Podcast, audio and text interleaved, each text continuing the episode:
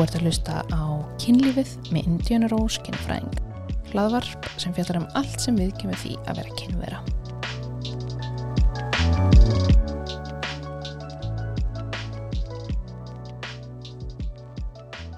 Góðan daginn, hjá mér í dag er hún Áslög Kristjáns og við ætlum að ræða um kynlíf og veikindi. En byrjum á, þú ætlar að segja mér aðeins frá þér Áslög. Hver er Áslög? Já, það er góð spurning.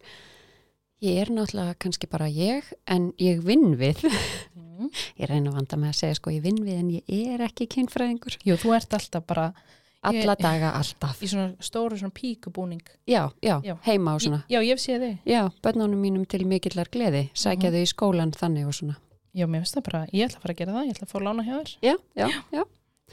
En ég er sem sagt hjúgrunafræðingur og kynfræðingur og læriði sem sagt kynfræði í Ástralíu og svo fór ég og læriði kynlífsráðgjöf í Bretlandi og starfa í dag sem kynlífsráðgjöfi á engastofu. Og þú tekur þá hjúkurnafræðina hérna heima, eða ekki? Jú, Svo fyrir út til Ástralíu. Já.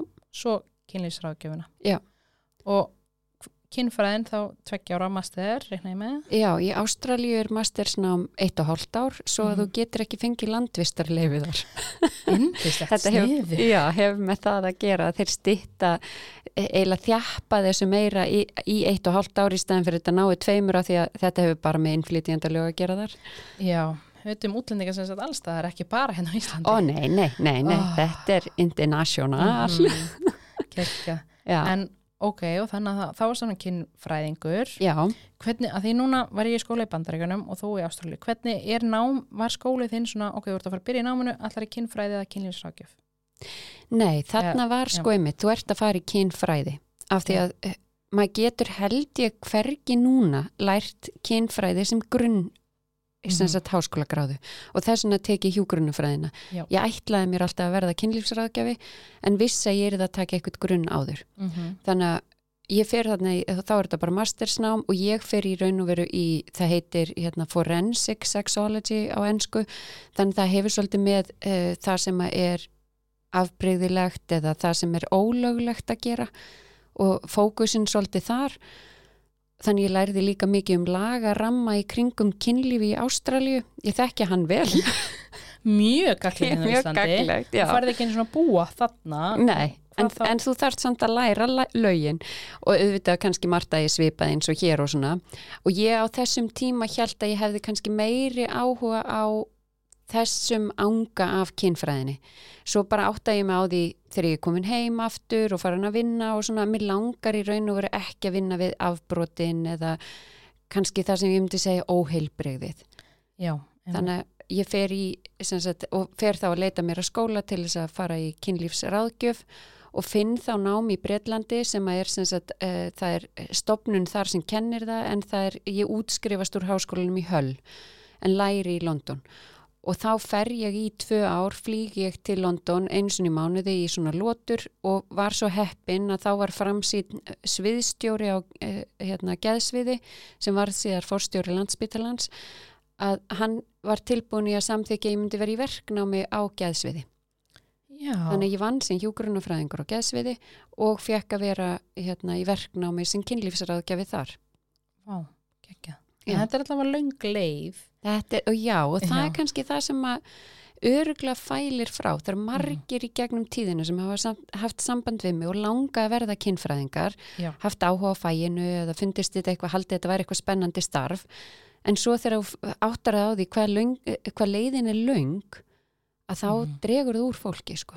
Já, ég mitt, ég veit ekki hversu mörg skilabóð ég hef fengið. Bara, hvað hérna, hva, þú veist hvað, og bara sjálfsagt að svara. Bara já, ég, hérna, þetta er kent bara á master, þannig að þú verður að taka grunn. já, Og þetta er ekki kent í masterinn á Íslandi, þannig að þú verður að fara út. já, Og það er bara svona, já, og maður er eitthvað svona, já, þú veist, ég fóttu bandrækina, ég veit að Sigga og Áslu fóru til Ástralíu. mhm, Já, er eitthvað í Evropu? Ég, ég veit ekki, ég skoða það ekki einu sinni. Já. Ég nefndi ekki að fara að læra eitthvað annað tungumál og svo kynfræðina. Ég, ég vildi bara ensku. Ég er bandarísk, þannig það var auðvöld fyrir mig að fara til. Já, Þannig ég gerði það. Já, En það er einmitt þetta og þau eru bara svona, já, ok, mann eitthvað, mhm.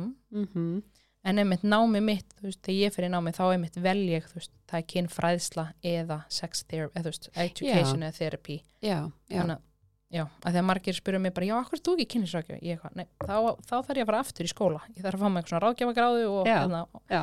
nenni því ekki alveg eins og það er. Nei, einmitt, einmitt og ég menna þetta að ég vinni við kynlífsráðgjöf í dag eru í- þrjár háskólagráður og þá Mhm. má ég byrja. Já, emmitt. Það var ekki eins og ég hefði farið á helgarnámskeið og byrjaði svo bara. Já, við vorum með þegar ég var að tala við hérna Aldísi í síðasta viðtali Já, og það var með þetta, þú veist, ég get samtali kalla mig kynlisrákjafa, að þetta er ekki lögvenda sem flækir tóltið. já, og gerir það bara rosalega erfitt og, og vissan hátti mitt stundum upplifum að bara, þú veist, að við búum eitthvað í vilda vestrinu og allir bara geti sagt geta það sem er, geta ekki og eitthvað svona, sko. Svo tala maður náttúrulega við bara, hérna, kollega sína í öðrum löndum og þetta er bara eins allstaðar, sko. já, þetta er flóki. Já, En- en, ég segi líka bara við fólk að ef að þú vilt leita þér aðstóðar þá er alveg eðlilegt að spurja þann sem ætlar að aðstóða þig Mhm. hvað kanntu til þess að segjast geta aðstóða mig? Já, Á hverju byggir þú það sem þú ert að vinna við? Já, við tókum til svona einfaldi vinkillin vörs, veist, ok, ég færi til kynir sákjafa sem er hérna hjúknafrækur og blá, eða sálfrækur, blá, blá, blá, eða ég fari hérna námskeið á netinu, eða hérna Siggi Palli í bílskurðum í Hafnafyrði, bara, Já. ok, ef þetta er vandamál, þetta er að hafa, veist, ef ef þetta er eitthvað sem ég vil læra meira, bara svona, herri, fínt að fara námskeið, fara til Sigga Palla í bílskurðum, en ef þetta er eitthvað svona, herri, þetta er hérna, þú veist, þetta er vanda, valda mig bara að- vannlíðan, eða bla, já, ok, farðu þá til hérna fagala og tjekka á þessu, bara ákverðast að byggja á hérna já. allt þetta. En ég hef alveg fundið það líka, mér hefur þótt fólk vera feimið við að spurja mig Já, af hverju ég vinn við það sem ég vinn við og eitthvað Mhm. svona sko. Já. Ég hef nú leist það svolítið að það eru svona hérna, útskriftar plöggin mínir á veggnum. já. Það er kannski hjálpar. eh, Já. að Svona, ok, þetta er, já, ok, hún veit eitthvað. já, Eh, ég að, hérna, já, ég get alveg borgað með góður samvinsku hennar tíma, en sjáum hvernig gengur. já, já. Um, en hvern, þú segir að hann, þú bara vissir alltaf að þú, þú ætlar að vera alltaf lengi. Já, Og hvað var það sem svona vakti áhugaðin á því? ég hef mjög oft verið spurðið þessu og ég mann það ekki. Nei. Ég er það ung þegar ég ákveð þetta. Ég ætlaði sem sagt þegar ég var barn, þá bara þegar bróðir minn sem er 14 mánuðum eldri en ég byrjaði í skóla þá ætlaði ég að vera kennari að því mér fannst þetta svo spennandi að fara í skóla og svo er þetta eitthvað tíman kannski í gagfræðaskóla sem ég ákveði að ég ætla að verða kynlífsraðgjafi Já, ég meina það gefið að ég hef heyrt þetta eitthvað staðar, ekki dettur 14 ára krakka þetta í hug bara. er- ok, ég, þið eru að tala um kynlíf, Já, er ekki hægt að fá ráðgjöf við því eða hvernig veit maður hvað ég á að gera? á maður bara að gera þetta án leiðbenninga. Já, hvað er bæklingurinn? Já, Uh, Hvar setjið í Excel-skjalið? já, ég meina ég alveg las hérna bókina stelpna fræðarinn, fylgdist mjög mikið með því, mér finnst þetta allt mjög spennandi. Þú veist, þannig mögulega var þetta hormónaflæði í mínum líkama sem allir því að ég var ég var fullorðin. Mér fannst þetta bara mjög spennandi. Já. Og ég beið mjög spennt sjálf eftir því að eignast kærasta og eitthvað svona og, og meiri sér rætti að við mömmu mín á tímabili sko hvort það væri ekki í lagi að hún færi með mig til kvennsjúkdómalæknis og setti mig á pilluna svo ég yrði tilbúin og hún bara horfði á mig og bara nei, Já, bara herri, ég vil prófa þetta allt og Já. ég er búin að lesa svo mikið um pilluna en ég þarf bara að fá að upplifa þetta sjálf. já, Já. Og svo hinga ertu komin eftir öll þessi ár og ert kynlífsakjó búin að starfa við það nokkuð lengi. já, Um, já, en þú ert líka ekki bara með ráðgjöf, þú ert líka að gefa bók já nákvæmlega. sem er aðeins frá henni. Já, ég ákvað, uh, það eru þrjú ár síðan ég byrjaði að skrifa bókina og þá var ég, það eru örgulega svo margir þættir sem olliði ég ákvað að gera þetta. Það breytist vinnutilhugun hjá mér, þannig ég ákvað að láta hennan draumrætast eða allan að prófa það að skrifa bók. Ég náttúrulega hefði mikla reyfarsundur um getu mína til þess eins og oftast með alla mína getu þú veist þannig að en ég ákvað bara allavega að byrja og partur af því líka var að emmitt á þessum tíma var ég búin að vera mjög lengi að halda sama fyrirlesturinn í raun og veru í ljósinu Mhm. sem er starfsendurhefing fyrir fólk sem hefur greinst með krabbaminn og ég var búin að vera að segja þannig ég, einhvern veginn í þessum fyrirlesturum þá fór að kjarnast hugmynd Mhm. hvað er það í raun og veru sem ég vil ef ég hef stuttan tíma til að segja þér hvað er kynlíf, hvernig það virkar og hvernig þú átt að njóta þess Já. þá ger ég það svona Mhm. Og það var svona partur af því að auðveldaði svolítið að vera búin að tala svona ofta því ég, ég funkar að þannig að ef ég ætla að skilja eitthvað þá þarf ég að tala um það Mhm.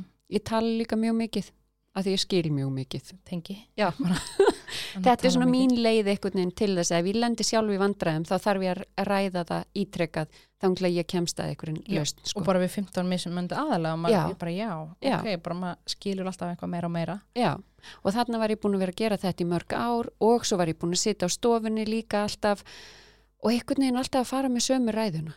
Mér finnst ég alltaf vera að lenda í að fólk var með sömu hugsana villutnar um kynlíf, um hvernig þetta virkar, en á þetta ekki að vera svona. Af hverju er þetta ekki svona? mm En mig langar bara að það sé þannig áslög. Og Já. það er náttúrulega bara já, að því þú ert búin að heyra það svo oft. Auglýsingar virka. Já. Mig langar líka mjög oft að kaupa eitthvað alls konar skrýtna hluti bara því ég er búin að sjá það svo oft. Já. bara þetta er búið að koma svo ofta á Instagram hjá mér þetta, þetta mun laga líf mitt Já, mér lítur að langi í þetta. Já. þú veist. Þannig að ég einhvern veginn svona hugsaði, ok, og kannski þetta, að mig hefur alltaf langað að vera kennari og í dag er ég líka háskólakennari, ég stundakennari í þreymur háskólum, þannig að ég ákvað bara að fara að skrifa þetta, það er fullt af fólki á þessum tíma, var líka ofbúslega mikið að gera hjá mér af því ég var búin að vera nógu lengi, kannski farið að spyrjast eitthvað út að ég kynni þetta og þá var orðið bara, ég var farin að hafna svo mörgum um meðferð. Algjörlega, sem er alltaf erfitt Já. það er ekki margir kiljursakjafar Nei, og þá hugsaði ég mitt, en hvernig væri það þá, þú veist, og fólk sem kom til mín var átt að spurja mig, ertu með eitthvað lesefni, er eitthvað, veistu með eitthvað gott lesefni? Hann er búið að skrifa alls konar bækur um kynlíf, margar þeirra eru bara kjaftæði, af því að við erum fá kynfræðingar í heiminum. mm -hmm. Það eru fáir sem velja sér þetta sem fag. algjörlega Þannig að það, eh, þú færið kannski ekkit endilega fræðilegar bækur sem eru byggðar á því sem að rannsóknirnar segja. Margar af kynlífsbókum sem eru skrifaðar og þú getur fundið eru bara einhver eins og ég lærði á fyrsta degi í náminni í Ástralju. Þið munir lenda í því að fólk heldur að það sé eins og þið af því það hefur stundað kynlíf. mm -hmm. Það, var, mér var ekki kent að stunda kynlíf í Ástralju sko. Það var ekki svo skemmtilegt. Já, og fólk líka með þegar ég var úti bara, já, og er verklegt, maður er eitthvað, já, þess að vorum að leira hérna kynfærin daginn og ég þurfti að búið til eitthvað plaggat og það bara, nei, þú veist, verklegt, ég eitthvað, ég, Mhm. nei, ég er ekki að ríða í tíma. Nei, bara, nei. Þetta er, Þetta er ekki, þetta er ekki svona tveggja ára orgía. já, bara, ert þú það bara geggja góð í rúmunu? Maður hm, hvað er að vera góð í rúmunu? Já. Svona, hm, Já. í það. Já, Þannig að þú veist, m- það var líka þetta og, og á íslensku var ekkert, það er ekki til neinn bók allavega sem ég hef fundið mm sem að væri sambærileg þessari. já, og þetta er svona handbók í rauninu. Já, já. Kannski eitthvað að því mér fannst sjálfsjálfar bók eitthvað neikvætt orð Já. þá ég að skýra það handbók. Já, Þú veist, handbók kynfæraðing sem langtíma samböndir undir titill bókarinnar Já. og þetta eru sex kaplar. Þeir eru bara sex af því mér fannst það fyndið. já bara algjör tilvilja. Og þetta er að- alltaf lífið ekki kynlíf. Já, hún heitir Lífið að kynlíf og það eru dæmisugur í bókinni sem flestum þykir þægilegt að tengja við. Já. Og ma þegar maður skrifar svona bók þá þarf maður í raun og verið að læra að skrifa handbók. Þannig ég, það var partur af undibúningnum að skrifa þessa bók þegar hún gæti ekki bara verið fræðileg og þurr, Mm þú veist. Þannig og partur af þessu er líka svona kannski hvað gerir kynlífsráðgjafi? Er eitthvað sem að fólk veltir fyrir sér og margir eru lafhrættir þegar þeir mæta timminn að þeir eru myndið að hugsa hvað er hún að fara að gera? Á ég að ríða hérna fyrir framann, bara er, Já. er það gólfinu eða sófinn? Já, Hún er bara að fara að dæma mig. já, Já. hún er að fara einmitt og Já. þetta er einmitt að fólk heldur ég sé dómar ég hlýta að líta svona út eða eitthvað þú veist að fólk er ofta eitthvað hún er að fara að segja okkur að við erum ok eða þetta er búið Já. Ég get ímyndum að fólk sem kannski segja frá kynlíf. Þetta þetta er ekki, þetta er ekki alltaf svona, sko. Já, Við vorum eins og alltaf bara, já, já, ég er ekki að fara að skrá í dagatali mitt, hvenar, nei og ringi þig, en það er, þri, það er þriðutar í dag, ertu Hvernig að? gengur? Já, En fólkið í bókinni er samt ekki alvöru fólk nei, þetta er bara, Já, ég skrifa það skýrt í bókina og ég vil að það komi fram að þetta er ekki fólk sem ég hitt, þetta er allt saman tilbúningur já. Og einmitt, ef það er á bygglista hér, bara, ok, hvað get ég byrja á að gera? Já, Og ég, kannski er þetta bara, já, ok, ég er búin að lesa það þar afbóka tíman í áslögu. Já. Því að, Já, og ég menna núna í dag, eftir hún kom út, hún kom út núna í ágúst, síðastliðin, að þá hef ég geta sagt oft við fólk, þú veist, kíkið þið aðeins að þennan kapla Já. fyrir næsta tíma. Og er þetta svona að maður ræða. að lesa, um, ég byrja á kapla 1 og lesa út kapla 6, get ég tekið kapla 6? Já, Hvað eru yfirheitin á kaplunum? ó, Eða, hvað, það, eða svona, það er góð spurning. Já, e- þetta er próf, ertu búin að lesa Ert þú búin að lesa? Þetta er allt fyndið út því að stundum segi, býtu skrifa ég þetta ekki? Já. Og fólk eitthvað, skrifa er þú ekki þessa bók? Hérna unglingar í grunnskóla, þetta var lokaverkefni. Það var lokaverkefni margra. Fyrsti kaplinn heiti fyrirmyndar kynlíf og það er svona, ég ákvað að byrja á því að segja hvernig á kynlíf að vera. Já. Ef að þú hefði fengið alla þá kynfræðslu sem þú þurftir. Ef við byggjum í kyn heilbrigðu samfélagi sem setti í raun og veru kynlíf og ástarsambönd í hásæti, Mhm. þá litið það svona út hjá fleirum. Þannig að það er fyrirmynd kynlíf. Já, svo er það hérna bara kynlöngun og, og taugakerfið, hvað stjórnar er raun og veru kynlöngunni. Uh, þriðji kapli heitir að, að losa um hömlur út með að gamla og inn með að nýja. Það er að fara í svona þær hugmyndir sem þú hefur skömmina og eitthvað svona sko, allt þetta kjaftaði ef ég má Mhm. orða það þannig sem að fólk trúir um kynlíf. Síðan kynlíf, uh, fjórðikabli er kynlíf felst í snertingum og hugsunum, það er mín útskýring og minn skilningur á því hvað kynlíf er út frá þeim rannsóknum sem hef lesið Mhm. að þá er þetta í raun og verið þetta tvent. Þetta er, eh, þú þarft að geta hugsað eitthvað kynferðislega til þess að náir að eh, langa stunda kynlíf Mhm. og svo lang oftast þarf snertingar. Einhvern veginn verður maður að sko, ná, ná að örfa kerfið. Mhm. Svo fymtikablin er bara um sambandið og það er, ég set það líka inn þó að það sé kannski ekki beint kynlíf en að sjálfsögðu hefur sambandið og gæði sambandsins áhrif á kynlífið og ég hef bara mjög oft hitt fólk sem segir að ég hef bara engan áhuga að vera að sofa hjá þér þegar þú ert svona djöðlega leðileg. Það er bara auðvitað, mann er ekki Eh. að sofa hjá einhverjum leðilöfum. Nei, Það, það er ekki það sem mann er, oh, nei. ógæslega leðilöfum fá hvað ég gröð. Já, nú bara þetta gerði það fyrir mig. Þú, þú ert svo leðilegur og full á mótnana. Já. Hú, Það æsir. já. Einmitt. Og svo heitir síðasti kablin sjötti kabli að gera það. Ó, þetta er svo dónalega. Ég veit að ég er rosalega dónuleg. En það er svona um með mitt viðreynslur. Að því það er líka svo áhugavert. Ótrúlega mikið af fólki sem ég hitti skilur ekki af hverju það stundar ekki kynlíf og svo þegar ég fyrir að spyrja en hvernig ætla að komast úr lífinu yfir í kynlífið?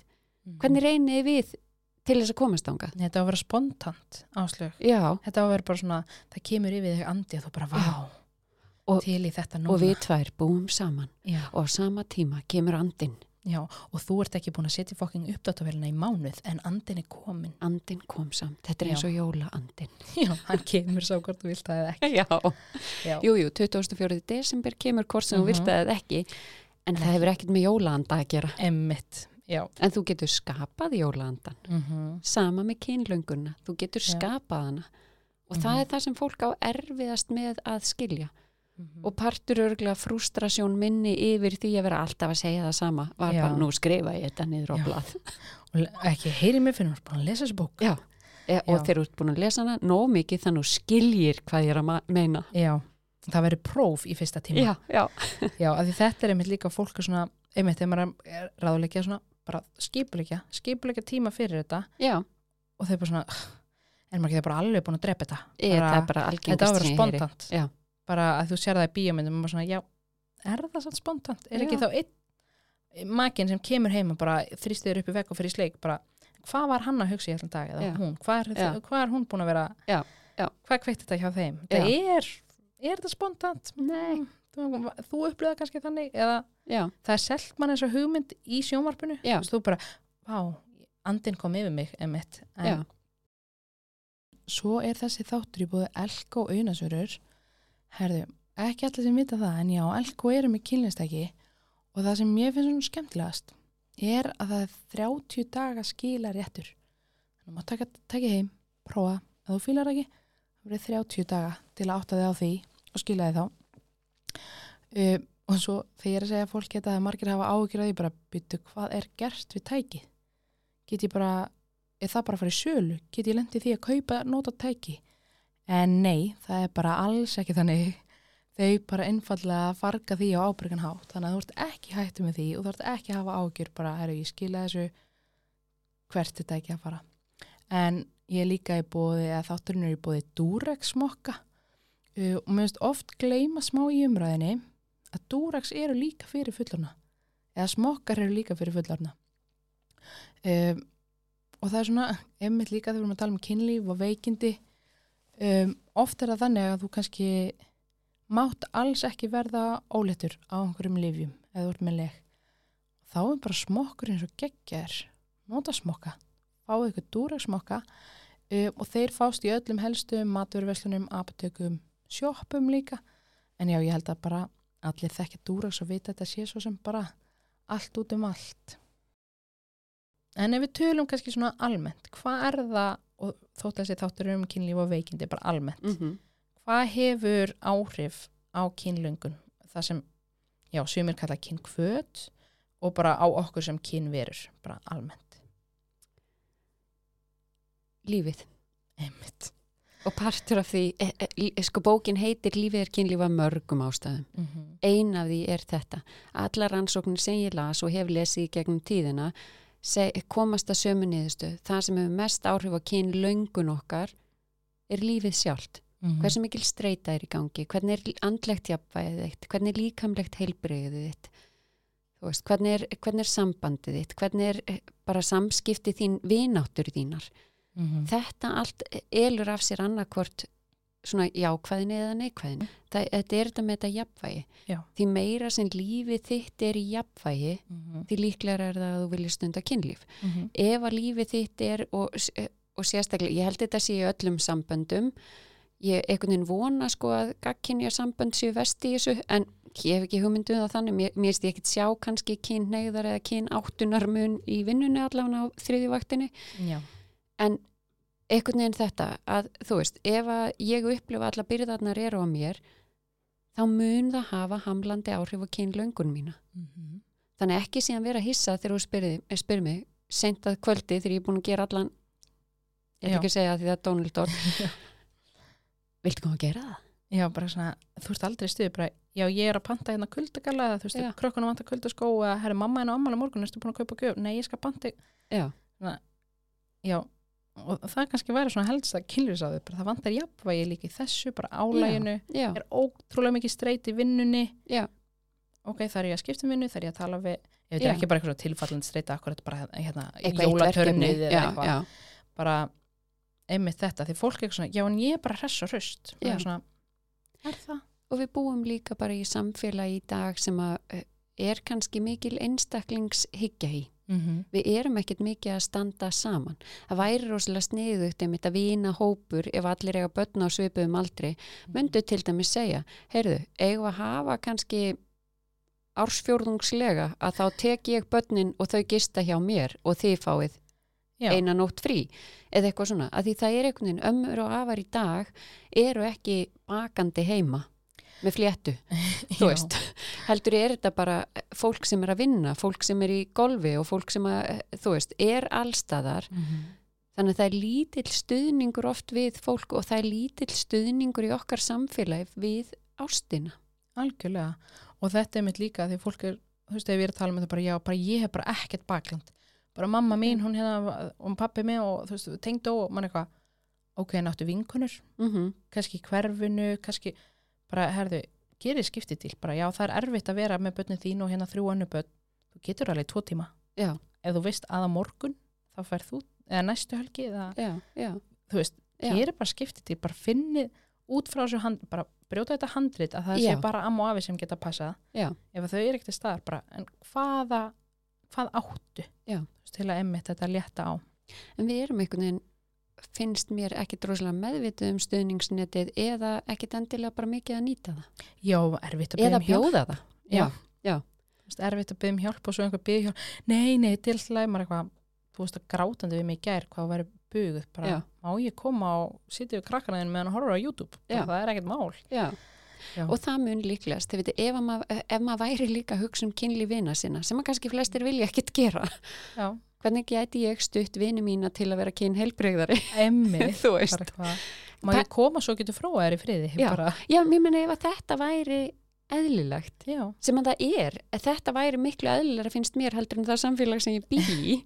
En ég veit líka alveg um leið og maður fer að tala um unað í kynfræðslu þá fer bara allt á liðina já, já, já fyrir utan það, þetta er bara til að forðast að búið til börn og forðast kynnsjúkdum við Já. vitum það áslög já, ég menna það það er alveg að virka því við erum að eiga færri og færri börn þannig eitthvað er að virka. -hmm.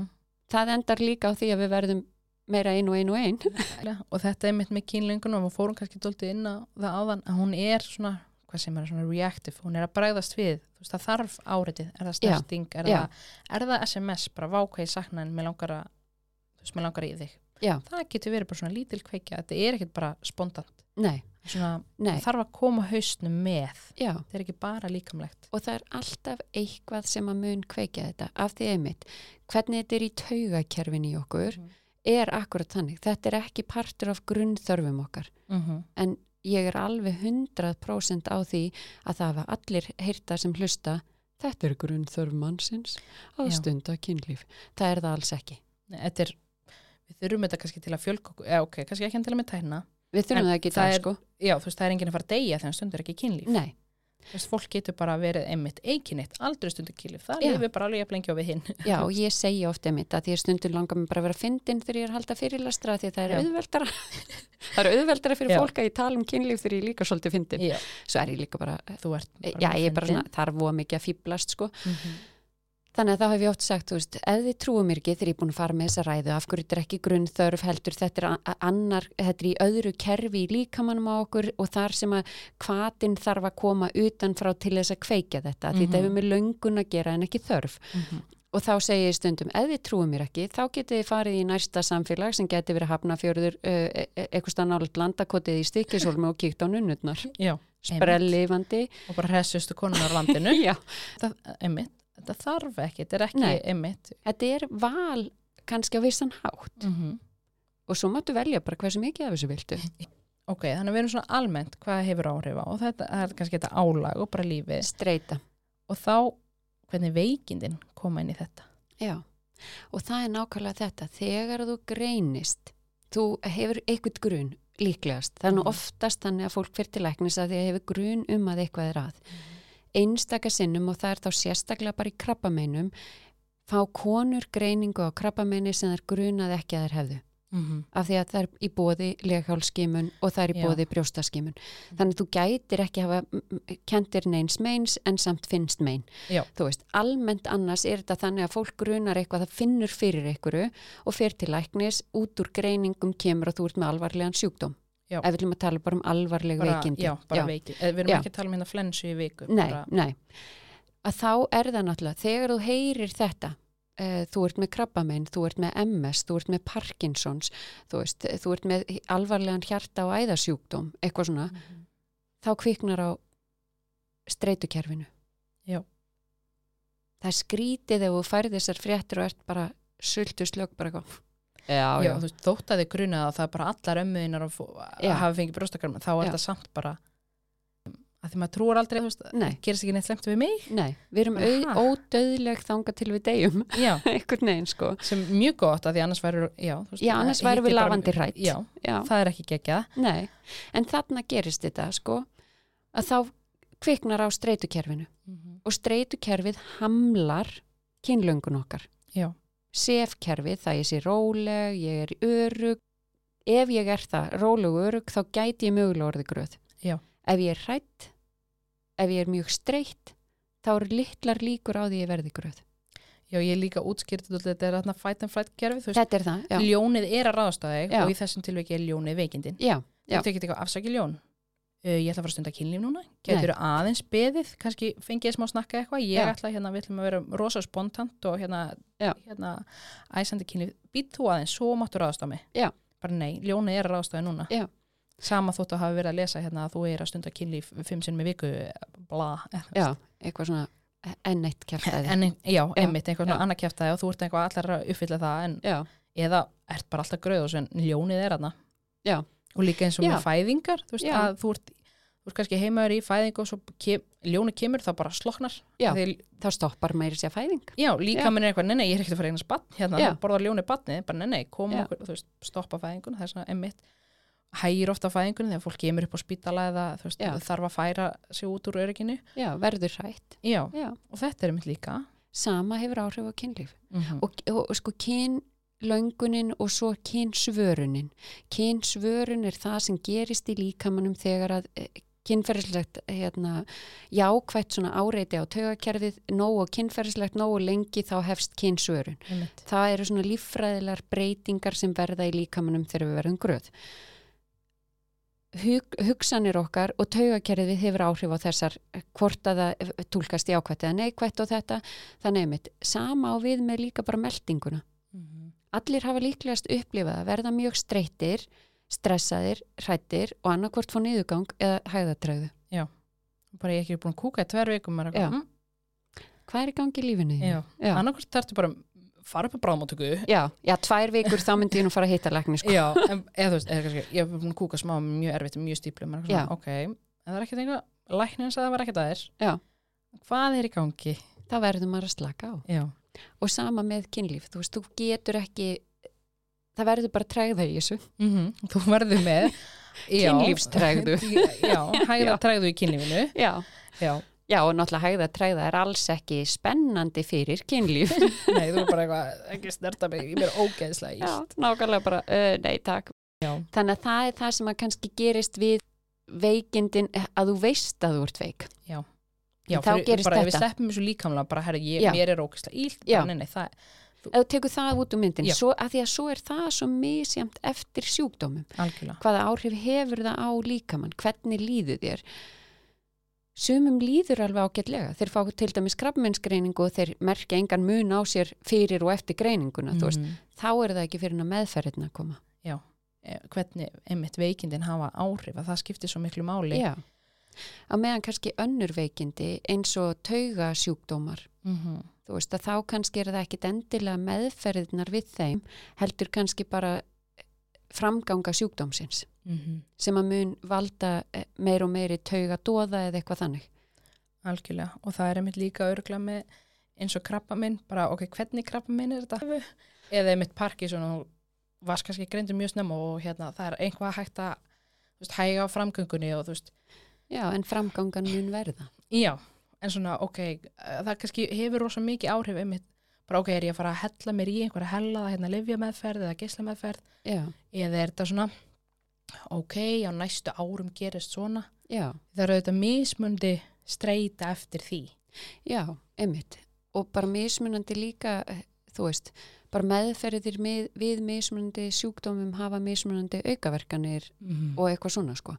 Þú veist, En hvernig hefur þetta áhrif á eins og veist, á maka og bara sambandið, veist, að bara veikindin? já. Mér hefur ekki þótt að því ég hef verið að ræða við eh, svona ymsa sjúklingahópa Mm. og stundum hafa makarnir verið með og stundum ekki og svona, mér finnst þetta alltaf einhvern veginn hafa sömu áhrifin. Við viljum þegar við erum í ástarsambandi vera jafningjar. Þegar að veikindin koma að þá missir maður ákveðin hlutverk, maður getur ekki það sem maður gætt áður, makin verður stundum svona að steppa upp með, til þess að þú getur stíði niður og, og jafna, eh, bara tekist á við veikindin, þau bara taka yfir og þá verður ójafvægi í parsambandi. Já, svona mikil breytt dýnamík. Já, já, bara eh, verulega breytt dýnamík sem að veldur því oft og það er eitthvað í okkur um mitt. Við eigum ekki að sem sagt gyrnast eitthvað sem við önnumstum Já, sem er svona til þess að koma í vekk fyrir bara sifjaspell og eitthvað svona ræðilegu hlutina sko. Já, Þannig að þegar þú ert farin að annast mikið um makan þinn þá ertu líka komin í valda ójafægi. Mhm. Þannig það er oft þetta einhvern veginn, það komið ákveði valda ójafægi í parsambandið og hvernig ætlar við að svona fara síðan inn í svefnherbyggi og stunda kynlífi me- með maka sem þú kannski upplifir ekki á sér jafningi.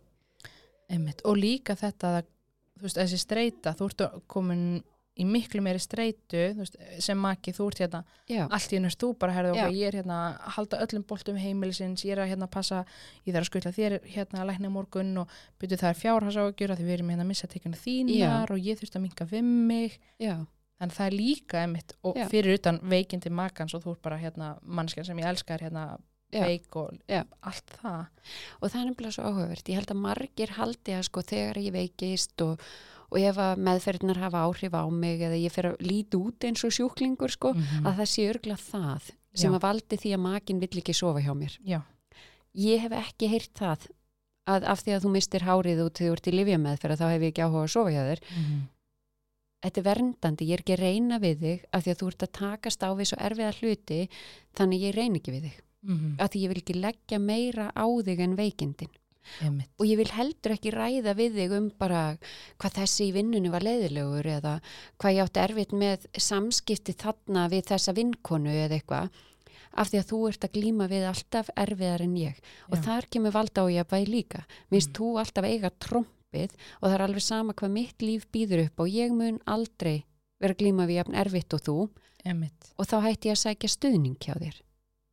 Einmitt. og það skapar gjá. Ef að makar geta ekki sótt stuðning til hvers annars að þá verður ykkur svona gjá á millið þeirra.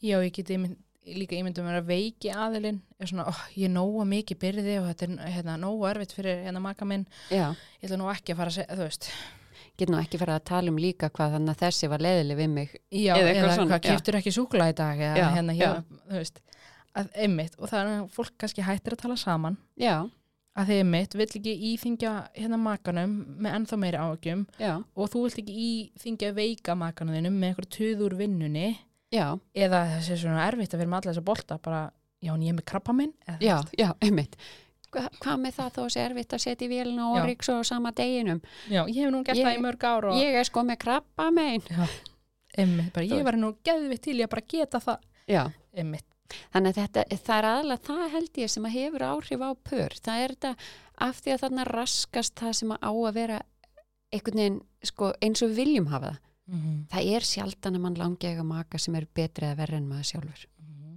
og einmitt, þú veist þetta er kannski svona, ok meðaltalið okkar er 50-50 Já. stundum er það 60, 40, 10, 90 þú veist, en Já. meðaltalið Já, en ef, þetta er langvarandi veikindi þá bara erum við búin að vera 90-10 rosalega lengi Já.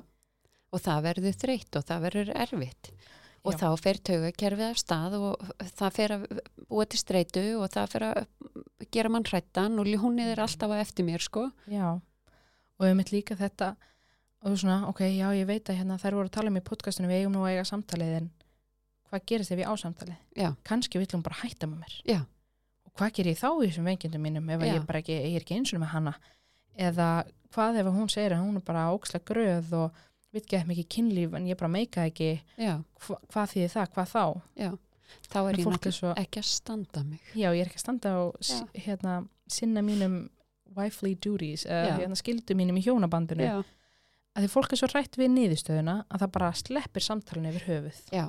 Og oft er þetta ímyndur niðurstöða Þetta er að- yfirleitt alltaf ímyndu niðurst að við svona ákveðum, eða, ákveðum það svo sem ekki, við bara gerum það, við horfum í, á, í gegnum ákveðina linsu mm -hmm. og svo linsa er dökk. Já, og aðalega úrst að klíma bara erfið veikindi og það er Já. bara Já.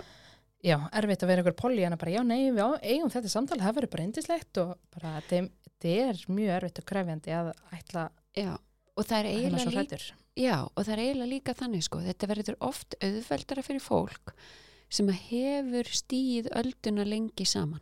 mm -hmm. Eldra fólk sem kannski hefur glýmt við ímislegt og svo kemur alvarleg sjúkdómsgreining. Já. já, já við, þa- þá hefur einhvern veginn trúna meira, við ráðum við þetta eins og annað. Já, þú veist, eins og, ok, batningnir þótt að það sé ekki endilega sjúkdómsgreining en kannski var bara mjög krefjandi meðganga eða hérna bara, herri, við höfum komist áður gegnum krefjandi hluti í sambandinu okkar Já, og þetta er bara partur af því Já, og þetta trúa því, þú veist, það er búið að rannsaka það núna við gottmannstofnunin í bandaríkjunum. Hvað veldur Mm. því að, að hjónabönd er orðalagið þar, en við kynum kannski haft það bara sambönd, eru langlíf og farsæl eða hvað veldur skilnaði. mm -hmm. Og það sem að niðurstöðunar í þessu öllu, eða síður það niður í eitt orð, Já. að ákveða það. Emmitt, Það eru töfrarnir. já, Þú veist, þannig mitt, ef þú ákveður að fara inn í samtalið eða ekki eiga samtalið af því ert svo hrætt við niðurstöðuna í staðan fyrir að þú ákveður að fara inn í samtalið og niðurstöðan verður og við finnum út úr þessu. Já, en við erum að fara að eiga erfitt samtali hérna og við verðum ekki sammála og eitthvað svona en við getum komist að eitthvað í niðurstöð mm og þarna finnst mér ég líka bara alveg sjá sko hvað við sem samfélag það er, svo, það er oft svo mikið eh, konflikt ef ég má sletta og það verður það er svo hávarar erfiða rattir oft að við eigum orðið erfitt með að takast á. Að þú ert svo hrættum að vera bara skotið niður. Já. þannig að ef að þú ferð og talar við makaðin um eitthvað sem er bara eðlilegur ágreiningur þá upplifið við sem vorum hrætt við eðlilegan ágreining. Já, að því þetta er líka svona einmitt þessi hræðsla og því þegar maður er í þessum erfiðum samtölum og er að segja eitthvað hluti og verður reyður eða pyrraður og segir eitthvað að svona ok, hvað þýð það þá? Herri, ég sagði þetta í gær og bara, Við ég klúruði þessu samtali bara ég ætla ekki aftur að taka þetta samtal. Já ég get nú ekki prófað aftur. Þú ert alltaf að prófa aftur og Já. ykkur. Og bara tölum um pyrringin bara þú varst rosalega pyrruð í gær þegar ég, hérna, ég var að tala um að ég er bara rosalega gröð alltaf. Já, getur við rætt þetta og Já. ert þú til að mæti það samtal ekki rosalega pyrruð Já, heldur þú getur reynd að heyra mig. Mm og líka þetta fólk að því að fólk ímynda sér alltaf samtala þá bara verður að setja á sófanum með þetta samtal. Já. bara takt upp bara hljóðskilabóð og bara, já, eða sendu skilabóð bara nota, við erum með geðvitt marga samskiptæti bara nota þá eitthvað annað. Bara, nákvæmlega nota eitthvað annað og þetta er ekki eitt samtal. Já og fólk ætlar líka ofta að vera rosalega lengi í samtölum. Mm fjögra tíma samtal um það að ég sé alltaf gröð. Já. í guðanabænum gef mér pásu sko. Já, bara við erum Tala- búin að retta pössun. Núna setjast við í sófan, Já. ég með nesti. Já, við ætlum að leysa þetta. Já í staðin fyrir einmitt, ég er alltaf að mæla með því ekki hafa þetta löng samtöl, mörg lítil samtöl er betra heldur en eitt langt samtal. Þú veist, að eiga þetta aftur og aftur að var það réttir vorum að tala um þetta í gær? Einmitt. ég heyriði þig einhvern veginn segja þetta svona minnst það ekki alveg samræmast þeirri hugmynd sem ég hef um þig já, er, var, var þetta rétt skilið þjó mér? já, eða bara eða var þetta filterinn minn off? já, eða bara já, ég segi þetta ég, ég myndi þetta svona þá en ekki núna já, það er bara runnið með reyðin Já. eða bara ég fór aðeins að hugsa þetta Já. það meikar ekki alveg sens ég er ekki að blíti límir eins og þegar ég sagði þetta í gær já. eitthvað, já. Mhm. þessi nefnir líka þegar maður ætlar að eiga samskipti erfið samskipti, það, það er kunst að læra þetta að takast á við ágreining sko. Mhm. regla númer eitt er, kanntu að róa þig já, og líka fá að vera ok, tökum hérna samtal, þetta er ekki fjóra tímar á sófanum, þetta var korter já, og bara en svo þarf ég að fá að melta Já. og bara hugsa Já. fá tími það Já. og þá kannski getum við tekið annað samtal Já. ég er aðeins búin að bara, einmitt bara hugsa eða þú veist, ef ég, ef ég ætla bara áslega nú ætla að ræða þessu hluti og ég er búin að hvað finnst þér um að ég kaup með kynlistæki og þú bara, já flott Já. Ok, ég skrifa það niður bara, nei en svo kannski hugsa um þetta bara já, ok, en ég vil þá skoða með þér eða, já, er það þá bara fyrir þig eða er það fyrir okkur? Já, er þetta tæki fyrir okkur eða bara einn? Og, og hvað þýðir það, eða þú ert að kaupa þér tæki fyrir einn er þetta að skipta mér út fyrir tækið? Einmitt. Það er allar hugsanirna sem fara að stað þegar ég er búin að segja bara að því ég ætla að vera heilin í okkur hannaður sko til þess að segja já eða nei. Já. hann er ekki hannaður til þess að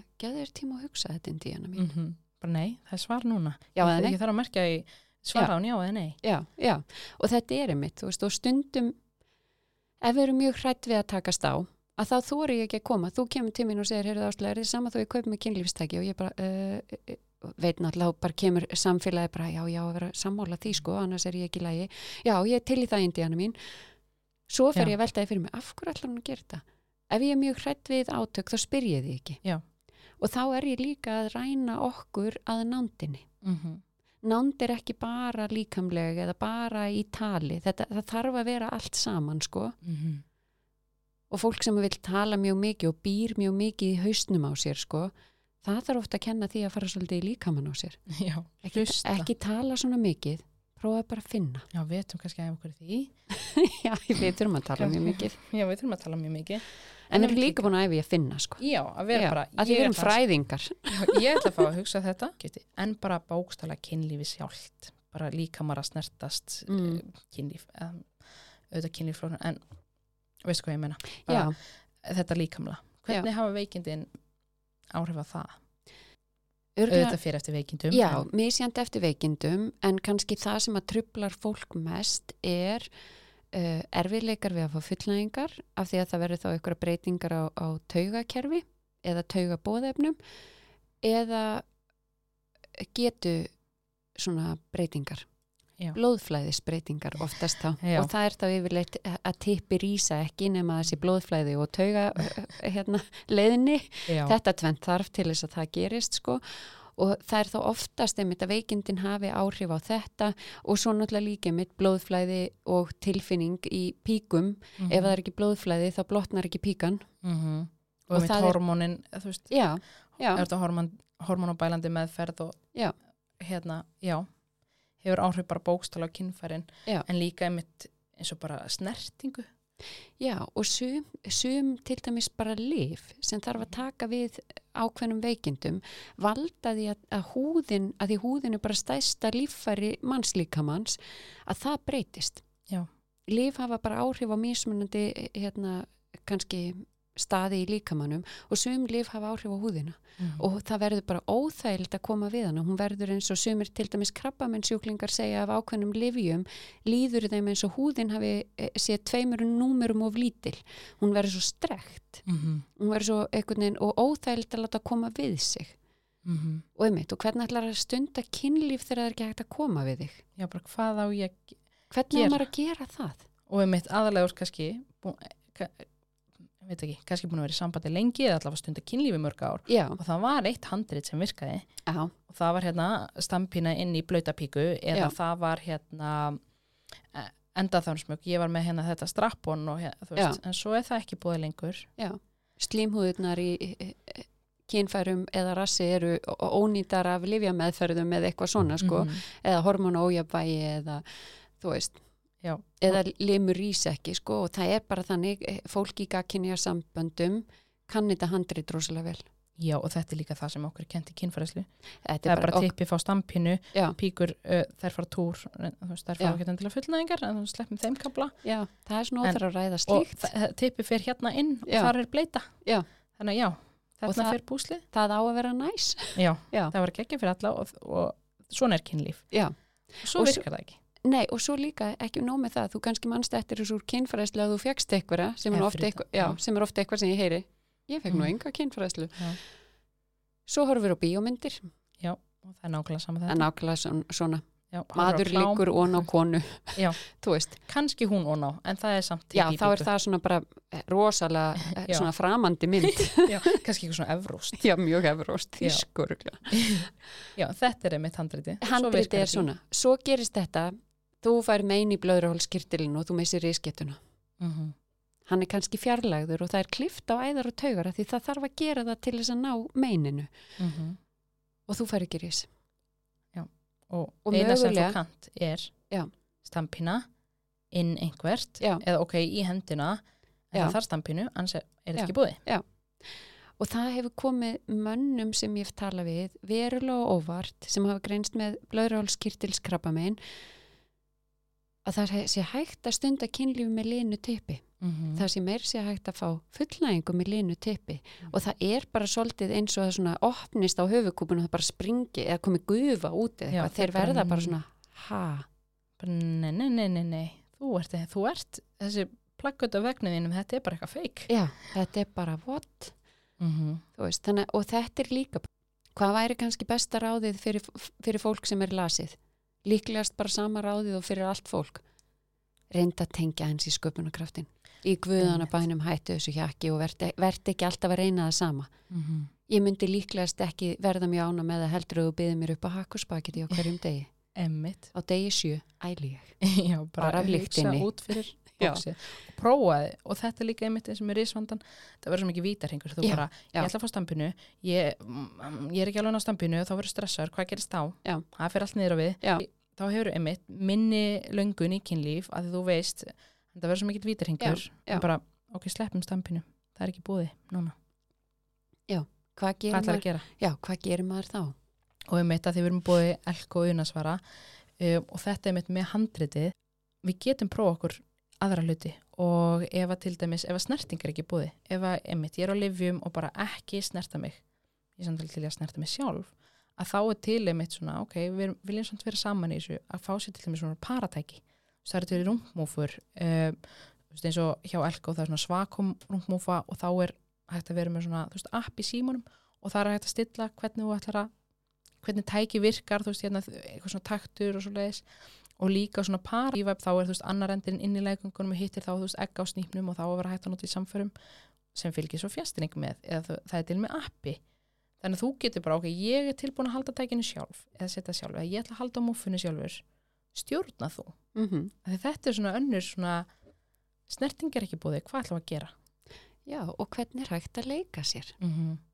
hjá Elko það er til svona paraspil sem getur verið bara, við erum ekki verið að gera neitt mm. við getum alveg tala samt um þetta því maður gleymir stundum að heilin er stæðsta kynfarið Já, og það er fullt hægt að gera með heilanum Já, líka bara þetta. Ég veldi alveg stundum fyrir mér um eitt hvort að okkur mannskeppninu hafi eh, hlotnast kynlíf út af því að við þurfum að fá að leika okkur og því að lífið er svo erfitt sko Já. og þetta sé leiðin fyrir fullori fólk að leika sér. mm. Að því okkur finnst yfirleitt mjög vandræðilegt að leika okkur, þú veist, ég er ekkert í Barbie lengur sko. Nei, og maður situr með krakkanu sem maður finnst samt smá vandræð bara eitthvað maður er eitthvað kaffu sem er eitthvað, já, já, ég skal vera mamman he, he. Já, og vondur enginn að horfa á mikið að þetta er vandræðalegt að Já. við eigum að hætta að leika okkur þegar um fullorðin já, full, á ekki að vera gaman að vera fullorðin. Já.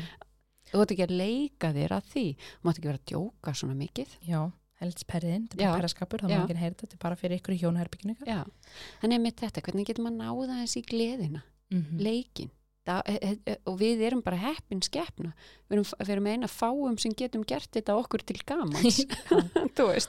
Og þetta er með líka, við erum með svona tæki þetta er ekkit endilega, ef þú ert erfitt með að fá fullnæðing út af livjum með Mhm. veikindunum bara, er ekki, það er ekki markmið. Ég ætla bara að sjá hvernig þetta er, þetta er bara leikur. Já, en líka bara mjög oft einmitt. þú þarft að taka einhver lif segjum að þú sért að glíma við einhvern andlegan vanda og sért að taka þunglindislif eða kvíðarlif við því að þá valda þau lif oft þeirri aukaverkun að það verður erfiðar að fá fullnæðingu og þetta hefur bara með taugabúðefni að gera sem er alveg ákveð flókið og eitthvað en hefur með serotonin magna að gera. Og þú ert þarna finnur bara fyrir þessari aukaverkun Mhm. og það er erfitt að gera þetta kannski áfram með hendinni eins og virkaði áður en ég tók lifin ef að fólk veit ekki af hverju víbratorinn var fundin upp að þá var hann fundin upp sem lækningatæki því læknar voru þreytir í hendina því að runga konum. Já, og lí, líka þetta því fólk, einmitt með kynlistækin það er svona, er ég að fara að skemma mig? Já, en, en þú veist, ég fæða bara með kynlistæki bara, já, ok, okay. geggja og ferða Já. bara, já, en þú veist, maður er eitthvað sum, við þurfum bara mismikla örfin. Já. Já, við erum kannski og það er bara geggja að þið tæki fyrir það. Já, og ég hef alveg hitt samt fólkið mitt sem að vill geta fengið líka fullnæðingu án tækja. Mm. og þá er það bara, ok, það er allt í lagi að vinna að því, þú getur alveg æfti og sjá um hvort það gerist en þú veist allan líka alltaf að þú átt tækið Já. og það getur eh, bara komið þér alla leið. En ef þið langar að prófa það hins einn ok, prófa það bara og gáðu hvort þú náir því. Oftast hefur það með það að gera ég næ ekki að slaka á. Einmitt, og Að því- líka þetta með, það tók mig þrjár mínútur. og ég er búin Já. að vera í kortur að reyna. Kannski tekur það bara hálftíma núna. Já, einmitt, af því að tækið er kröftugra heldur en fingurnir. Já, eða þú veist, fyrir veikindin það tók þetta alltaf þrjár mínútur Já, já, meina það. 30 sekundar max. Já, en ég er búin að vera að reyna, ég er að hjakkast inn í 5 mínútur og ekkert gerist. Já. það gefst bara upp. Já. og þá fer ég inn að vítarhingin og streyta og ég vil ekki fara að gera það því það tekur svo langa tíma að- en já, það getur líka bara breyst hversu langa tíma þetta tekur það er það ekki alltaf lægi að taka hálftíma. Jú, er, ekki, er ekki bara fólk mjög átt að kvart yfir þetta taki ofstuttan tíma? Ymmit og það er bara, má ekki vera ofljótt og má ekki vera, já, þá verður eitthvað svona gildi bara svona fullkomin meðal tími sem Já. hver er ákveða það. Já. Já. en er það er eitthvað sem kemur jákvætt úr þessu? Er þetta ekki bara þessi fokking ömulegu veikindi og það er allt ónýtt og sambandið er ónýtt að því við erum ekki búin að snerta okkur þannig er þetta bara allt ömulegt og þarf þetta að vera ömulegt og ónýtt? Það þarf alls ekki að vera það öruglega, það er einhverjir upplifaða þannig að þetta var bara ræðilegt og uh, hjónabandið eða sambandið hjælt ekki og þetta er allt veikindunum að kenna og þetta er bara mjög erfitt og eitthvað svona. Og þetta ferða þá eftir hvernig veikindi eru. Er þetta veikindi sem munu endast æfin út eða er þetta tímabundin veikindi sem er mögulega lækning við? En oft hef ég heyrta að þegar að fólk greinist með alvarlega sjúkdóma að þá færi það líka bara nýtt svona sjónarhorn á lífið þannig það næra að taka betur eftir því sem að hinnir sem að hafi aldrei upplifað þetta þeir þjóta Já. og taka ekki eftir en út af þessari reynslu af því þú fegst að horfast í augu við dauðan og segja honum að býða mm -hmm. að þá nærðu frekar að- að njóta og breytir kannski lífsviðhorfi oft. Maður heyrir þetta mjög gjarnan að það breytir lífsviðhorfi mínu. Mm Ég reyni núna að hugsa meira, taka eftir og spurja sjálfa mig, hvað þarf ég núna? Mhm. Mig langar meira að staldra við, ég þarf ekki eins mikið af glingri og prjáli, mér langar í tíma, mér langar í, ég vil bara tíman þinn eða nándina þína eða eitthvað svona sko. Einmitt. Ég ætla ekki að fá mér aðra auka vinnu að því við erum að fara til teina á næsta ári og ég ætla að fá þetta veski og nýtt eldús og Já, einmitt. Nei, ég fæ mér bara sundkort og fyrir heitan bótt Já. í staðin fyrir að fara í sól í kalt vatn.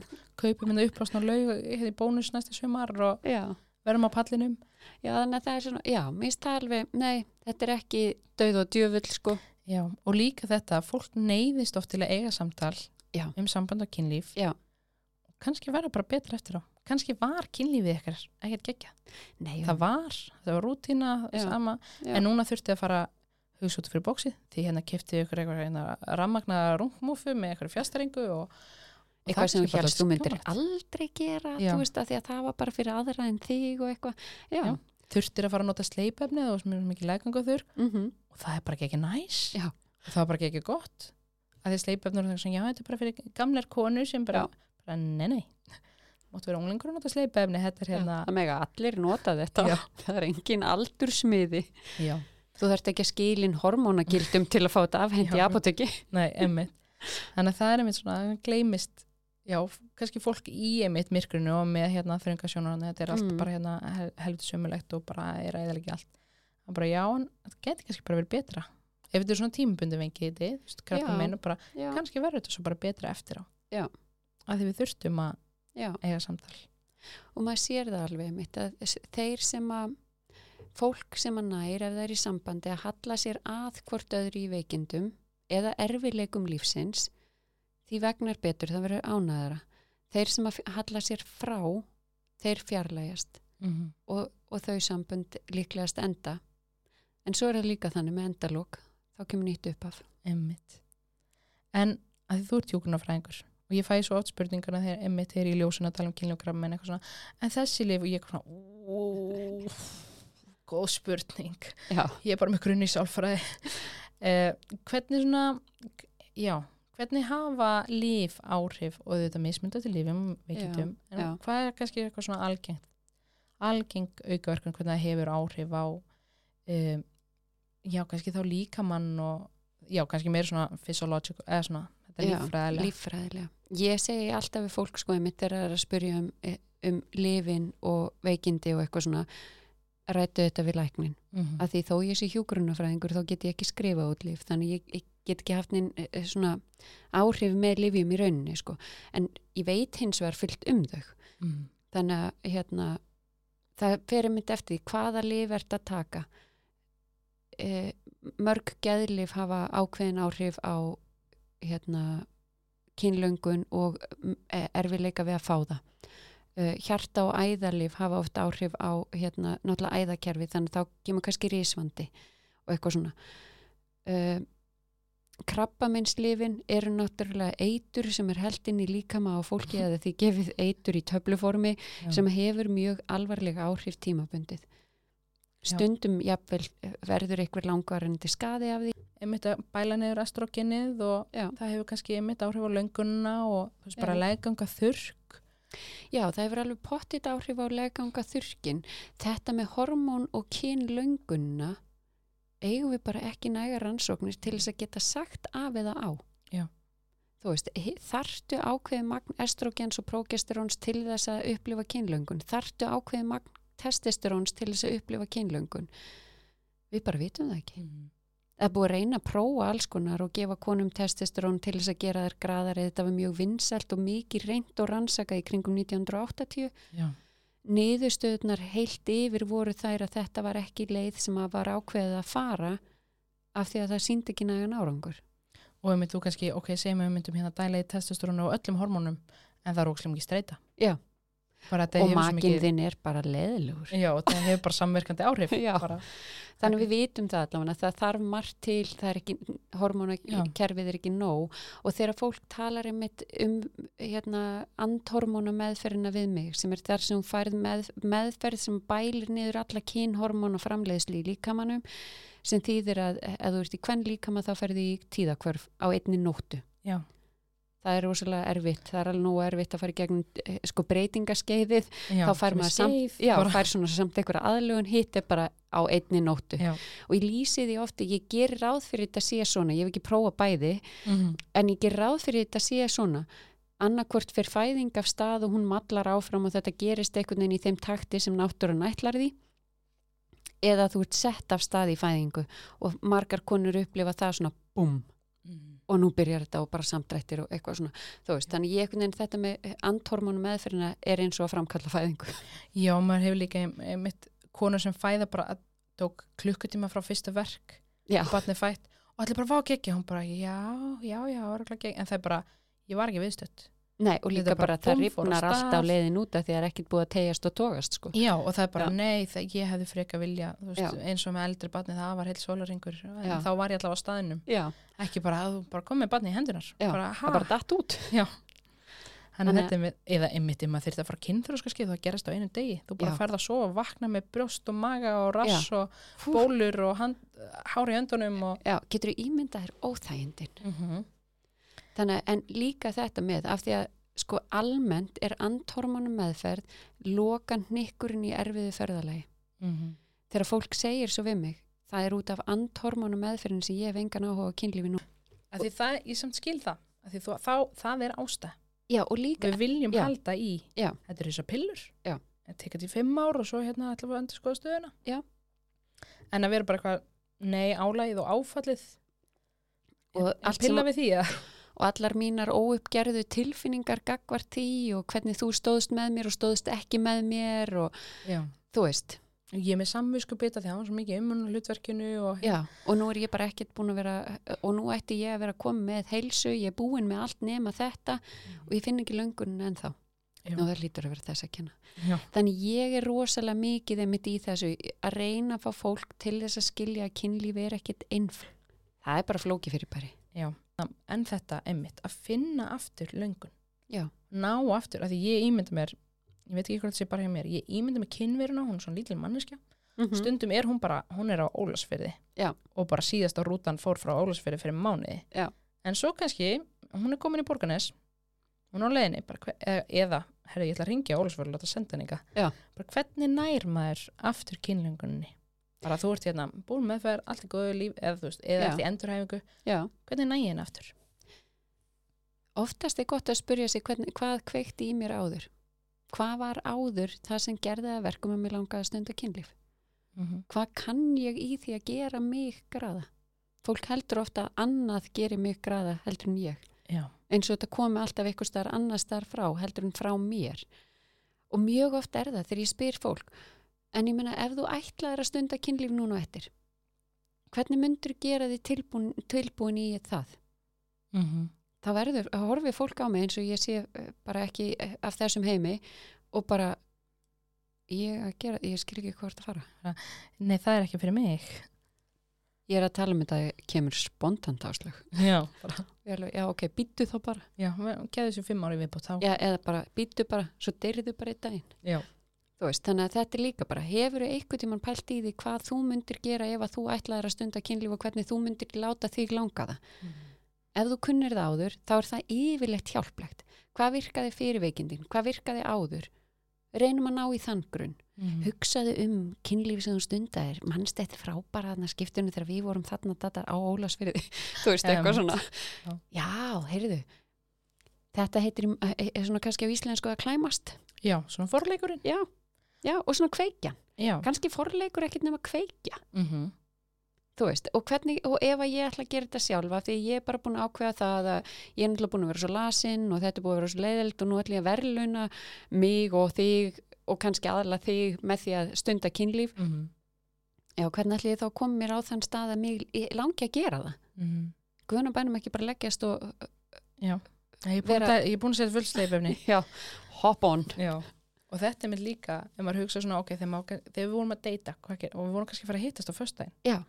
Ok, núna þurfum við kannski að setja kynlíf í dagatalið á föstudaginn eða tími fyrir nánd. mm Ok, þá er ég kannski, ég fyrir styrtu og ég hérna raka lappinnar og ég kannski mála mig, ég kannski blása sletti hárið og fyrir úr hérna skítuðu fötunum og þetta, þú veist, eru í samstæð nærföt já, e- já, ekki hérna nærföld með göttum á, Já. það er, það er markmið í þetta já, einmitt þetta er svona undibúningur og Já. svona senda sms bara hlaka svo til að hitta kvöld nákvæmlega og bara eitthvað, þú veist, og kannski klípði aðeins í rassin eða slæðir létt á rassin þegar þú lappar út í daginn mm mm. séði í kvöld já, og ég er heima í dag því ég er hérna í endurhauðingu Já. það hlusta einhverja fantasjur, þetta er fullt á netinu alls konar Já, svona já. fantasjur Nákvæmlega, það meiri sér til íslensk bók um, sem er saman e, íslenskra fantasía mm -hmm. heitir nafninu Fantasíur Já, eftir Hildi. Sverrisdóttur Að það er svo einmitt þetta að hugsa bara, ok, hvað gerði ég hvað gerði ég áður já, hvernig kynvera var ég? og ef að þú hugsa, já ég gerði þetta og þetta en það er ekki það sem ég vil núna ok, Mm. allt er góðu hvað viltu núna? Já. hvernig lítið það út? hvað gerir þú þegar þú ætlar að læra eitthvað nýtt? Þú lest þér til um það, þú spyrð aðra hvernig gerir þú þetta? Já, þú fer kannski á YouTube með margt ég er ekki viss um að geta fundið þetta á YouTube þú veist, bóttið samt. en þú getur alveg potið fundið á netinu alls konar Mm -hmm. þú veist, þannig, en hve- hvernig þess afla maður sér þekkingar, þetta er bara það. Mm. kannski eru þessuna kynfræðingar alltaf að rópa hátt um kynfræðslu. Já, af því það þarf bara að segja okkur þetta. Þetta er eins og allt annað, við þurfum að læra þetta. Algjör. En hven, hvernig veit maður svona, ok, veikindin, búin að reyna hérna þessi ráð, hve- hvenar ætti ég að fara að leta mér aðstof, bæði þú veist, kynlisvakjá eins og þér, Aldís eða Jónu Ingi Börgu, þú veist, upp á Mhm. spítala. já, Hvar, er, hvar er punkturinn? Hvenar þarf ég aðstof? sko samkvæmt svona sjúkdómsflokkurnar greiningum að því að kynlífsvandi er sjúkdómsgreining -hmm. þá er það kannski þetta þegar þetta er búið að vera, þetta veldur þér þjáningu, þetta veldur þér svona, heitir distress á ensku, ég er ekki alveg viss hvernig það útlegst á íslensku, Já, andleg streitu, eitthvað svona. Já, það veldur þér áhyggjum. kannski bara áhyggjum streitu eitthvað svo leiðis. Það gerist í meiri hluta tilfella sem þú reynir að stunda kynlíf. Mm. Veist, og það gæti verið að þú ætlar þér að stunda kynlíf en þeir skortir áhugan og það gerist í meiri hluta þeirra skipta sem þú hefðir viljað stunda kynlíf ef allt verður eins og það væri Já. þú veist, eða eitthvað svona og, hérna, og þetta er búið að vara í eitthvað tíma Hvað þýðir einhvern tím? Já. þú veist, það er kannski bara svolítið misjamt ég held að það sem smekksatriði en ég myndi segja sko einmitt kannski eitt, tvo mánuði þú veist, ef þetta, er nú, ef þetta er bara eitt, tvo mánuði þá, og svo bara náið því að vinna úr þessu eða þú nærði að vinna úr þessu Mm. þá þarf þetta ekkit á kynlífsaraðgjafa að halda sko en ef þetta er búið að vara kannski í nokkra mánuði segjum eitt til sex tvo Já. til sex Að þið einmitt fyrir eftir samböndum, hvernig voru þið fyrir já, og líka það er byð. Þannig að já, já kannski bara eftir tvo mánu að ég bóka bara tíma í áslögu. náttúrulega eftir Eh, tvo mánuði þá kaupir bókina Já. og lest hana Þú bóka tíma, ferða byðlistan, pantaði bókina og Já. að bóka svo bara. Því svo kannski verður þetta bara góðu eftir tvær vikur og þú bara já, Já. ok, að bóka bara tíman nákvæmlega, eða hérna, ég er búin að lesa bókina. já, og það Og- var nóg Hann er emmitt gott við mig og kannski líka bara svona, þetta er ekki bara svona, já, nei, maður langar ekki kynlið mér, bara finnst það góðu lagi. En þetta er svona, nei, vá hvað ég væri til í að vera aftur kynverðan sem ég var. Já. og bara af hverju er ég ekki og hvað er að mér og ég er bara ónýtt og þessi lif, þessa pillur að skemma allt. Já. Og ég meina það er alveg á hreinu. Ef einhver segir við mig, mér langar ekki að stunda kynlíf og mig bara langar ekki að langa það mm. þá segi ég bara það er allt í lagi. Já. og það er ekkert sem ég ætla að reyna að gera í því. Emmitt, en ef þú segir, mér langar ekki að stunda kynlíf en mér langar að langa það þá Já, segi ég bara, ok, heyrðu við skulum bara klæða okkur í vinnubón en ef það væri eitthvað svona eitt, ráð- já, þú ert kannski svona komin yfir, ef þetta er svona tímabundum engi komin yfir erfiðasta hjallan þá ert svona í kannski endurhæfingu kannski ráð fyrir þann tíma. Ásetningur. Að setja eitthvert, eitthvert púður í það að ætla að gera þetta þá fer maður, um leiðum maður að koma ásetning þá fer maður að plana. Og oft er þetta svona ok, ég þarf bara að koma mér í þetta. Já, ekki það að þú mátt auðvitað alltaf hætta við það þarf ekki, veist, ég var alltaf erfitt með þess að samræða, ég, er ég er ekki, neð, það er enginn að neða sig neitt. Nei og ég held að fólk verði bara að gefa okkur það. Já, að ef að við erum að tala um kynlíf að þá eru við að tala um og það eru öryggi þarna og það er samþy samþykki liggur fyrir. Já. ég er ekki að tala um hafðu ásetningum og sofa hjá ykkur um ókunnum og láttu ekkert stoppa Og þig. En Áslaug segði ég ætti bara að fara að klípa í rassa og já, þú nei, í og, og einmitt, mér mislíkar það þegar fólk ákveður að mistúlka það sem maður segir. Já, og bara eitthvað svona, býtu en það er nú ekki sam, maður er eitthvað svona, jú, að því í samþykki má alltaf hætta við, já, bara, en ok, ég þarf bara að byrja í sleik, Já. ég þarf bara hérna, Já. byrja sjálfsvona ég þarf bara að taka tækið og ég þarf bara að setja á snýmum minn, já, ég þarf bara að byrja. Já. Já, og, koma sér stolti í þetta, og þú byrjar ekki nema að sé ásetningur um það að byrja. Emmitt þess vegna er þetta eh, besta leiðin Já. ásetningur, þetta er einfalt sko, þetta er bara eitt orð þetta er ein, ein, einfalt Já. en til, ef það er einhver læknir eða heilbriðis starfsmæður bara einhver, einhver heilbriðis starfsmæður sem, eða einhver fólk sem vinnur með fólki Já. hvað ráð mynduru gefa þeim kannski svona til að byrja samtalið í opna á samtalið og þá er oft bara hægt að spurja eitthvað eins og þú veist, maður er að spurja alls konar hvort þið er og þú getur alveg hend inn í mixið líka. Mhm. Hafa veikindin haft einhver áhrif á sambandið þitt? Hafa, hefur þið fundið breytingar á kynlöngun út af Mm. veikindunum eða út af þessari lifjameðferð sem ég með þig á eða, eða eitthvað svoleið sko. Bara spurja um breytingar. Já. Ekki hvernig er kynlífið þitt? Bara Nei, eru breytingar. já. Hefur fundið fyrir einhverjum breytingum á kynlöngun er miklu betri spurning heldur en hvernig er kynlífið? Já. Það er svolítið svona, Og líka svo hvernig líðið með það. Bara já, ég fundi breytingar.